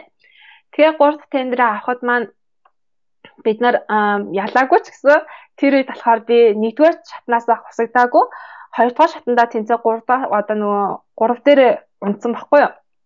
Тэнгүүд миний хувьд нөгөө дөнгөж би шинхэн архитект шинэ залуу архитектор байж болохоор надад ингээд амар амжилт мэдрэгдэжсэн. Тэгсэн чинь сая өчтөр дөрөв дэх тендерийн хариу сонсон чинь бүр яг байр эзлэхийн даваан дээр хасагдчихжээ. Нэг нь нөгөө шүүгчийн одоо нөгөө юунаас санаа зүрх нөгөө протокол нэрдэг байхгүй. Эхлээд бид нар ялагдсан гэдгээ мэдтээ. Маргааш нь болохоор протокол нэрдэг байхгүй юу? Яг юу бол яагаад яав гэх бүх юм дэлгэрэнгүй бүр яг үнэхээр шилэн явагддаг. Тэгсэн чинь хараа ингээд ингээд ингээд ялагдлаа гэдэг бүх юм байж байгаа. Тэгсэн чинь яг нөгөө 9 шүүгчийн нэг шүүгчийн оноо дутаад Аа тэгээд бид нэр 7 дугаар байранд орсон байсан. Тэнд чинь ингээд 40 гаруй ингээд архитектурын мундаг том том компаниуд орж байгаа штэ. Тэгээд тэнд чинь бүтэн тим ажиллаж байгаа. Манай архитектор манай компани болохоор залуухан тэгээд нөгөө жижигхэн байхгүй юу? Тэгээд тим компанид байж агаад ингээд бас мундаг мундаг архитекторуудыг ардаа ингээд орхицсан байгаагаа хараад тэгсэн чинь би ингээ өөртөө хөөх булгаа болж ялаагүй ч гэсэн ялалтын хэмжээний одоо юу ялагдлаа гэж өөртөө өчтөр хэлсэн байхгүй бүр амар баярлаад ингээд эхлээд эхлээд шууд унжсэн бол дараа нь ингээ 3-аасаа тэгээ сая бол бараг л 7 дугаар байр гэдэг бол миний хувьд том амжилт. Би чинь залуу архитектор болохоор өчтөр бүр нэрээ энэнгээр л өөрөөрөө жоохон бахлаа. Аа. За баяр үргээ. Би хичнээн одоо яг шалгараагүй ч гэсэндээ дөрөв ширхэг тендерт оролцсон гэдгийг нь сонсоод өө ямар мундаг юм бэ гэдэг их гайхаж байна. Тэг ялангуяа бүр нэг жилийн хугацаанд те. Би тэ энэ дээр нэг юм асуулт байна л да. Монголчууд маань юудгийн гадаадад ирчгээд юу одоо ингээд хичнээн том мундаг гайхалтай мэрэгчлүүдээ сурсан ч гэсэндээ за би гадаад төрээд ирсэн байгаа юм чинь ингээд өөрсдөө их доогоор үнэлээд ингээд арай жоохон одоо доогоор төрлийн тий өөрийнхөө хийж чадах хэмжээний ажлыг биш ажлуудыг сонгож хийгээд байдаг. А гэтэл болгоны маань хувьд болохоор яг өөрийнхөө мэрэгчлэр ажилд ороод тэр тэр чигээ их хичээж зүтгэж байгаа нь их харагдаж байна л да. Ер нь энэ дээр юу гэж боддөг а монголчууд маань ингээ өөрсдийнхөө потенциалыг их доогоор үнэлээд идэв юм шиг. Гэтэл яг үндэ би бол чамааг ингээд ирээд нэг жилийн хугацаанд дөрөв тендерт оролцсон гэхээр монгол хүний дээр потенциалаар бахархаж байгаа байхгүй юу? Тийм. Энэ дээр юу бодож? Аа би яг энэ дээр нүнхээр хэлмээр юм байдаг. Ягаад тэлэр маш мундаг мундаг залуучууд ирчээд өөрсдийнхөө чадварыг үнэлэхгүй байгаа тийм юмуд харагддаг байхгүй юу? Аа миний хувьд болохоор эрэхтэл би өөртөө яг бүр ингээд бүр амлсан. би яагаад л зөндөө олон хүмүүсээс сонссон эренгүүтээ Европт ирсэн оюутнууд ингээд октод нь ингээд гэр цэвэрлдэг, ингэдэг тэгдэг гэдэгтээ энэ бол муухай зүйл биш оюутан насны маш гоё дурсамжууд бас үлдээдэг байхгүй даваад гарсны дараа нөгөө гоё гэдэг шиг мэдрэмжүүд үлдээдэг. Гэхдээ а потенциал нь байсаар ашиглахгүй байх юм бол тэр бол хайрын зүйл байхгүй юу? Бид нэр 4 жил одоо нөгөө Монголын боловсролын системд ингээд боловсрогдоод бэлэн бүтээгдэхүүн болоод зарим нь бүр ажиллаж байгаад ирж байгаа штэ. Мастрын оюутнууд ялангуяа. Тэгээд ирчээд энд ирэнгүүтээ шал угаагаад ингээд явхаар надад бол айгүй хайрын санд. Яг л хүмүүс гадаадад ажиллаж байгаа гэхээр амар мундгаар боддог. Бүр нэрнгээсээ. Пүүх ямар мундаг юм бэ? Пүүх тэр том гадны компанид Монгол хүн ажиллаж байгаа гэл тэгээ боддог. Тэгэхээр Монгол хүн гэхээрээ одоо яатсан тий монголчин ялгаагүй дэлхийн хүмүүсээс бүр өнөөдөр бүр ялангуяа интернет хөгжсөн энэ үед бол бид нэр бүр юугаараач тутахгүй гэж би бүр хэлнэ. Тэгээд одоо яг ингээд би өөрөө ингээд гадны одоо миний хамгийн эхлээд ажиллаж байсан компани жишээлбэл Rheinberg гэдэг нэлээд том компани ахгүй юу Австрийн. Тэнд ажиллаж байгаа би өөрийнхөө хүслээр гарсан юм л да. Тэгээд гэхдээ одоо ч гэсэн тэндээ бас ажилладаг. Тэгээд одоо ажилдаг байхдаа ингээд бусад нөгөө тэнд чинь 20 хэдэн хүмүүс агаа тэг ингээд бус ажилчтайгаа өөрийгөө харьцуулаад мэдээж харна штэ. Тэнгүүт ерөөсөө уур чадварын хувьд бол ялагт одоо гоологдохгүй зөвхөн надтай биш би Монгол сурч ирсэн хамт сурч ирсэн оюутнуудтайгаа ингээд уур чадварыг харьцуулаад харсан ч гэсэн гоологдохгүй. Тэгэхээр юу вэ гэхээр монголчуудад бол үнэхээр потенциал байдаг. Түүнээс гадна монголчууд амар хүсэл эрмэлзэлтэй. Европчууд ч урсгалаараа ахгүй юу? Маас нь урсгалаараа. Тэгтэл Монгол хүмүүсийн гал цогт нөгөө цөөхөлөө олгоч тэр юм уу амбиц ихтэй ч гэх юм уу тийм их гал цогтой хүмүүс байжж эренгүүтээ шал угаагаа явчаад тэнгүүдээ сүулдэ мөнгөний төлөө ингээд улаарад тэнгүүдээ яах гэж ирсэн зорилгоо мартаад явах надад үнэхээр хайран байдаг. Тийм учраас анханасаа л эрэхтэй би юу чаддаг вэ? Би юунд дуртай вэ гэдгээ тодорхойлсон байх хэрэгтэй. Хилтэй бол хилээ ашиглах хэрэгтэй. Зурж чаддаг бол зурдаг, авьяасаа ашиглах хэрэгтэй. Бүх боломж нь нээлттэй байдаг. Тийм учраас хизээч өөрийгөө бити голоорой гэж хэлмээр байна. Үнэхээр боломж нь байдаг. Одоо жишээлбэл нэг имэйл чи төгсгийгээ сурсан байх хэрэгтэй байхгүй юу? Би анх ирчээд бас нөгөө автокад заадаг байсан. Манай мэрэгжлийн програм байхгүй юу? Аа тэгээд нөгөө анх ирэхдээ би өөрийнхөө хэл маань гологдсон доо энэ төр гэж боддог байжгаад а за ямар ч лээс англи хэл дээр заагаад үзье гэж хэлжсэн баггүй юу. Миний ганц чаддаг юм чи одоо програм байгаа шүү дээ. Одоо хэрвээ би герман хэлгүй байх юм бол тэгэнгүүтээ зар тавиад үзье. Ингээд би ингээд а автокадын хичээл заана, ийм програмууд заана гэдгсэн чинь хүмүүс эхлээл ирээл тэгэл би тэр хүмүүс заагаал гэсэн чинь хүмүүс маань амар сэтгэл хангалуун. Надаа баярлаа гэл тэгээд дараа нь ажил мажилд ороод тэнд чинь инженер ч байгаа, хөгшүүн ч байгаа, энэ тэг гадныхан тэгсэн одоо би болохоор нэг сургалтын төвд багшилдаг бас. Тэгээд тэнд чи одоо нэлээд олон хүмүүсийг бас ингээл сургаад гар дуусгалаа. Тэгээд ингээд харьцуулаад ер нь л хувь хүнийх нь тэр характерыг ингээ монголчуудаагаа харьцуулахаар үнэхээр монголчууд бол үнэхээр маш сайн. Тийм учраас гадагшаа сурах байгаа тийм мундаг одоо хүсэл эрмэлзэлтэй байгаа залуучууд байх юм бол өөрийгөө хизээж битгий голоорой та нар үнэхээр дэлхийн хэмжээний хүмүүс мөн шүү тий жоохон л хичээх хэрэгтэй. Проблем нь зүгээр л асуудал нь болохоор хилээдэг хилээл сайжруулж байгаа. Бусад бүх зүйл бол яг ижилхэн л гэж хэлмээр байна. Аа тэгэхээр болгон маань одоо яг Австрид тий нэг компанид ажиллаж байгаа. А дээрэс нь хоочин ажиллаж исэн компанид бас давхар ингээд төслүүд дээр нь ажиллаж өгдөг юм байна тийм үү? А дээрэс нь бас сургалтын төвд багшилдаг. Тийм. Ингээ маш олон зүйлүүдийг хийж. Тэгээд түрүүнд дурдсан Европод урсгалаараа их явдаг те их маас нь. Энэ ч гэсэн ер нь бол одоо юу гэдгийг Америкийг хүмүүс нөө Холливуудаар төсөөлдөг шүү дээ. Ингээл дөөрөө ингээл айхтар ингээл чөлөөтэй сэтгэдэг ингээд айгу яриа гэлдэг. Гэтэл яг ингээд дунд нь ороод явах юм бол айгу тийм бүрэг чимхээ тэгэл нэг тийм аймхаа чимшигтэй ингээд санал бодлоо илэрхийлж чаддгүй. А тэгсэн мөртлөө бас нөгөө амбицтай хүмүүсээ яг үнэндээ маш сайн дэмждэг юм шиг. Амбицтай хүмүүсийг өө энэ ямар мундаг хүн бэ гэд чи ийм амбицтай юм байна штэ гэд айгуух тусалж одоо шин шин боломжуудыг өөрт нэг санал болгодог юм санагддаг. Тэгэхээр монголчуудын маань соёл жоохон арай ондоо байж магадгүй. Яг бүр тултсан төвшөндөө гэж хэлэхгүй л дээ. Гэхдээ жоохон амбицтай байгаа яваа хүмүүсээ хүс эрмэлзэлтэй яваа хүмүүсээ жоохон одоо нөгөө нэг юу гэдэг вүлээ дээ. Энэ жоохон хэнэгтэй юу гэдэг вэ? Хинхэг минхэг гэж. Хинхэг минхэг гэх тий. Тэгээд өгдөг. Тийм тэгээ тэрэн дээр соёлын хувь тийм ээ одоо юу гэдэг Астр Монголын хувьд гэдэг юм уу тэрэн дээр соёлын хувьд анзаарсан зүйлсүүд нь юу байсан бэ яг энэ амбиц гэдэг зүйлээс нь харахад хүлээж авж байгаа байдал нь тийм одоо жишээлбэл би одоо ингээд эргэн тойрныхон хүмүүс одоо миний эргэн тандаа гадаад хүмүүсээр л дүгнэ штэ. Одоо жишээлбэл манай өрөөний охиноос ингээ хардаг байхгүй юу? Ингээл харж байхад ингээл 11 12 гээл сэрдэг. Тэгээл би амар завгүй гэсэн ингээл кино үзээл сууж идэг ч юм уу те. За энэ зүгээр л нэг жишээ. А ихийг юм ал хийчдэг. Тэгэл болоо. Тэгээ цаашаа ингээд нэг амар тэгэж ингээд хөдөлмөрлөдгүй ч юм шиг те урсгалаараа гэж хэлсэн. Тэгэл намайг ингээл амар амбицлал ахаар ингээл чи ямар амар итгэвтэй юм бэ гэж бүр гайхаж хараад байдаг. Яг тэрнтэй шиг манай ажлын газрын охин чи ингээл гүүж мүгээл ингээл ингээд пүүх гэл ингээд бүр ингээ гайхаад байдаг байхгүй юу? Ямар сони юм бэ гэд манай захирал махирал хүртэл намайг хараад тулгаач нэ ямар амар юм бэ гэ бүр ингэдэг.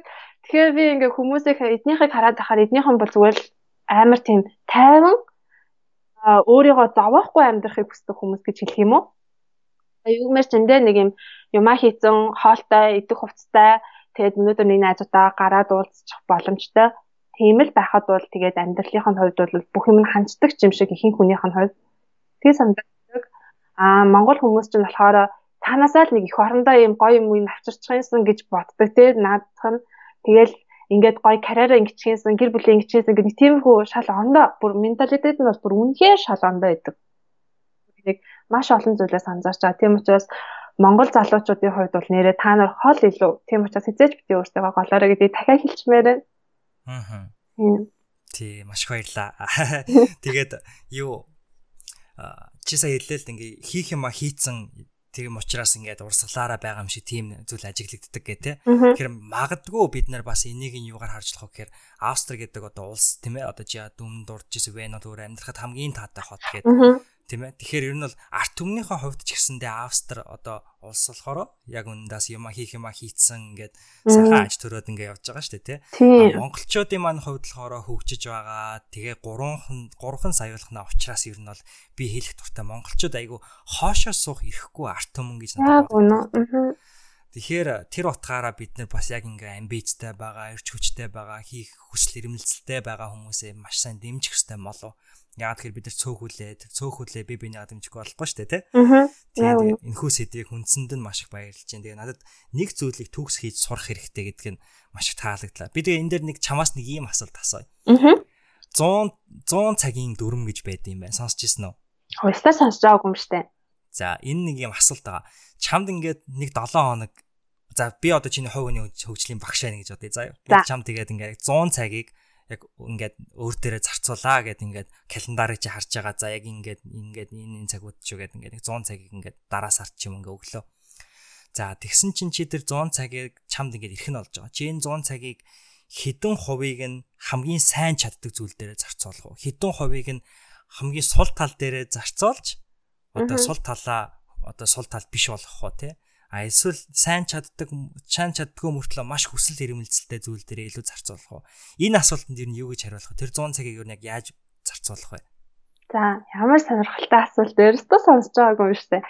За би 100 цагийн хувьд болохоор штэ аа магадгүй би дийлэн хувийг нь аа одоо яг нөгөө бүрэн боловсроогүй байгаа тэр өөрийнхөө чаддаг. Гэхдээ нөгөө э, бүр 100% хөгжөөгүй байгаа тэр хэсгээ л илүү нөгөө бусад одоо би үнэхээр энийг бусдаас илүү чадна гэсэн бас нэг юм байгаа шүү дээ. Тэрийг бүр дахиад хөгжүүлэх гэж ташаг байна тийм үү?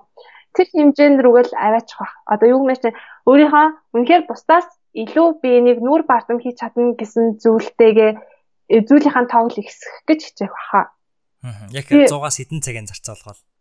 Би тэнд болол за дөрөв өдөр гарна л юм байна шүү дээ. Тэгэхээр чинь би аа хоёр өдрийг би чадахгүй юмдаа зарцуулъя. Бараг 2 хагасын чинь 2 хагасын заяа. Аа тэгээд үлцэн нь болохоор магадгүй тэр шинэ одоо нөгөө юу вэ штэ одоо би ерөөсөө чадахгүй байгаа бүр чадахгүй байгаа тэр зүйлдээ зарцуулах байх. Тэр шинэ нэг юм чинь намайг бас магадгүй би тэрийг бас дуурлах юм билээ тэр челленж дэх юмдаа бас тусаж үзье гэж бодож байна. Аа би нэгэн чадж байгаа юмыг болвол би Аа үнэхээр л би тэрийг бусдаас тэгж л бодож байл те. Би үнэхээр энийг бусдаас хангалттай илүү чадна гэж бодож байгаа зүйл дээр бол би нэг амар цаг өрөхгүй байхаа. Тэгээл нөгөө техник технологи ингээл мундаг юу яагаад ирэл хуучаад ирэх юм бол мэдээж тэрийг дахиад дахиулах гэж чинь. Яг ингээд 100 цагийн хувьд болох юм бол би чадахгүй байгаа юмуд дээр илүү их цаг зарцуулж илүү илүү чаддаг юм а ихсэхийг хичээх баг. Аа. Зөв зөв. Тий их гоё хариулт байна Тэгээд чамдаас асууя л да. Тэгвэл чи яах байсан бэ? Аа. За би яг энэ хариултыг нь яг маш одоо амжилттай яваа хүмүүсээс сонсцсон байхгүй юу. Одоо яг Mark Zuckerberg ч юм уу тэ тэр хүмүүсээс бас асуусан байд юм бэлээ. Тэгээд тэр хүмүүсээс нь хариултыг сонсцсон. Аа тийм учраас тэр хариултыг л хэлэх бах та. Тэгээд тэр мундаг хүмүүс юу гэж хариулж байна? Мундаг хүмүүс нь болохоор ер нь бол ихэнхдээ 100 эсвэл 90 80 гэдэг хариултыг өгдөг гэж байгаа байхгүй. За тэгээд тэр нь болохоор юу хэлж байгаа нэхэр ерөөсөө яг чиний төрөн хэлсэн чаддаг Гэхдээ арай төгсрөөг байгаа те. Илүү сайн хөгжүүлж болох зүйл дээрээ яг 100 цагийг эсвэл 80 цагийг зарцуулна. Тэгээд одоо 80 цаг зарцуулаа гэж үздэг юм бол үдэлсэн нөгөө 20 болохоор бас чиний хэлсэн. Одоо нөгөө өөрийгөө хөгжүүлэх боломжтой гэж үзэж байгаа те. Яг үнэндээ ерөөсө хийж үзээгүй байгаа ч юм уу. Яг үнэндээ хийгээд гисэн чи маш дурлуул яах вэ тэр зүйл дээр зарцуулна гэж байгаа байхгүй. Тий. Тийм хайл хариултыг өгч ирсэн тэгэхээр одоо чиний яг хэлж байгаагаар маш одоо сайн чаддаг зүйлээ. Бүр төгс хэмжээнд нь хүрэхээр илүү их цагийг зарцуулах юм болоо л гэж би бодож байна да. Тэгээд үлдсэн одоо 20 30 цагаа ч юм уу те? Яг чиний хэлж байгаа бас яг тэрхүү а магадгүй дурлж болох зүйл дээрээ. Тийм шинэ зүйлийг сархад те. Тий. За. За ингээ хоёлаа. Тий, дараагийн асуулт руу орох уу? За тийм. За дараагийн 7 дугаар асуулт маань Өстө цаг хурд явж шүү. 7 дугаар асуулт маань энэ 7 хоногоос сурсан сургамж ойлгосон ухаарл юу байсан бэ гэдэг асуулт байна. Мм энэ 7 хоногоос сурсан ухаарсан ухаарл гэх юм бол би мм ер нь би сүүлийн үед жоохон нэг тийм хүлцэнгүү л болоод байгаа юм шиг байна. Аа хүнийг одоо байгаагаар нь хүлээж авах сураад ах шиг гэх юм уу. Одоо өмнө нь ч ингээд хүн ингээд надад таалагдахгүй хахаар ингээд би ингээл нэрвтэй л өөрөө нэг юм болохгүй хүний нэг юм болохгүй ангууд өөрөө өөртөө ингээл нэрвтэй дэдэг байсан баггүй юу. Тэгэнгүүт одоо болохоор тэрэн дээр болохоор жоохон хүлээцтэй хандаад хүлцэнгүү окей энэ хүн чинь ийм хүн юм байна гэдгийг тэр хүнээр нь хүлээж авах гэж айгуу тийм хичээж байна. Яагаад тэлэр нэг асуудал байгаа юм л да. Тэр нөхө манай ажлын газар дээр шинээр орж ирсэн охин маань нэг хэсэг миний бүр нервийг үнэхээр барваа. Би бүр гэтээ барж байгаа шалтгаан айгүй инээдтэй. Тэр охин бод нөгөө болгоор охин баггүй юу? Амар ийлдэг. Бүр үнэхээр ийлдэг. Тэгээ би бүр тэрэнд асаж өгдгөө нэрвтэй. Ингээд надаас би усууч усууж болох уу гэдгээ надаас асуух хэмжээний хүртэл ийлдэгч гэх юм уу? Одоо юу хэмээс зөндөө ингээд би ингэж болох уу тэгэж болох уу гэл ингээд бүр ингээд бүх юм надаас асуучдаг. Тэгээд эрэнгүүд нөгөө амар ачаалтай ажлын үеэр ч юм уу ингээд жоохон стресстэй эхэлдэг байхгүй юу? Алхам тутмаа асуугаал гэтээ бүр ингээд өөдөөс инээгээл амар гоо инээгээл амар ийлдэг миний амьдралдаа харсан хамгийн ийлдэг охин гэтээ бас тийм ийлдэг занчин бас ингээд хитрхээрээ юм хитрхээрээ гэдэг шиг ингээд жоохон нервтүүлээд намайг. Тэгээд одоо ингээд тэр охиноос болоод ч тэр юм уу би ингээд хүнийг ингээд окей байгаагаар нь хүлээж авчээ.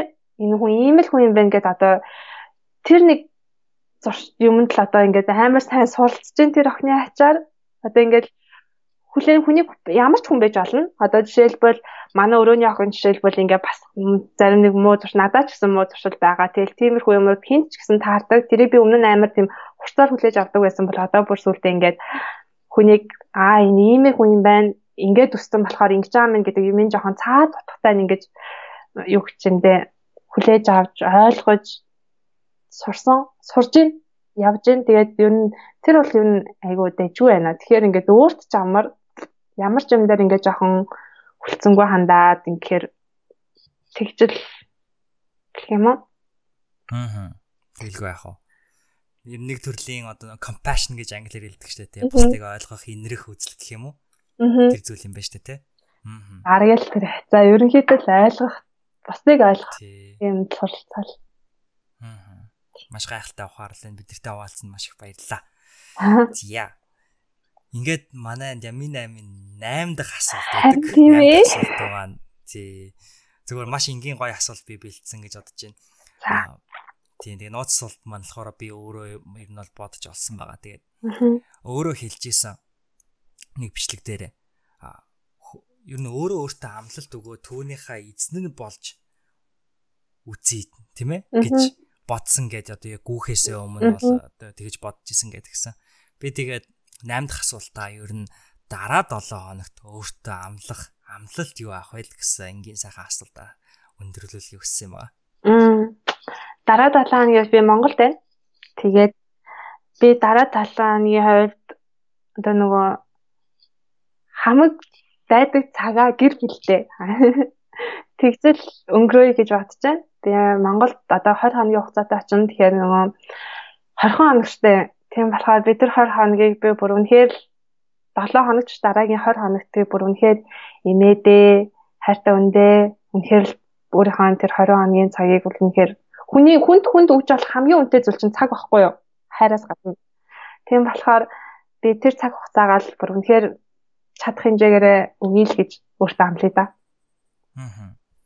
За маш гайхалтай хариулт байна. Манай сонсож байгаа сонсогч нар маань ч гэсэндээ энэ удаагийн дугаараас хүнд өгч бол хамгийн гайхалтай бэлэг бол цаг хугацаа түүнээс гадна бусдад үг хайр тийм ээ. Бусдад үг хайраас бий болох өөрөө өөрийгөө хайрлах энерги тэрхүү мэдрэмж тэрхүү сэтэл бүгдийг ер нь ярианаас ойлгож авсан болоо гэж би итгэж чинь тэгээд булгаан чамтай ярилцах маш гайхалтай, маш олон зүйлийг бодогдуулсан тийм ярилцлага болж өнгөрлөө чанд маш их баярлалаа. Баярлалаа. Бас урьж оролцсоос маш их баярлалаа.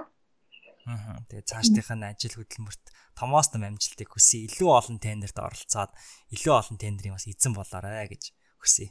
За, баярлалаа. Өрөөл батаршгэ. За. За тэгээ нэвтрүүлгийнхаа эцэст нь хэлэхэд дахин хэлэхэд тийм ээ. Булганы найзуудтайгаа хамтдаа хөтэлдэг YouTube channel байгаа. Тэгээ Mongolian Student гэдэг.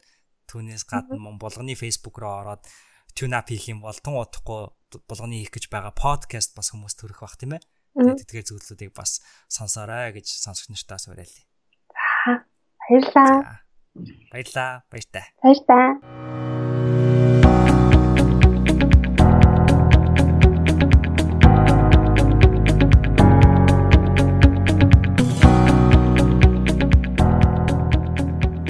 Хүрээд манай Яминэн подкастын маань 32 дугаар дугаар өндөрлөж байна. Булгантай ярилцсан энэхүү яриа та бүхэнд маш их таалагдсан гэдэгт итгэлтэй байна.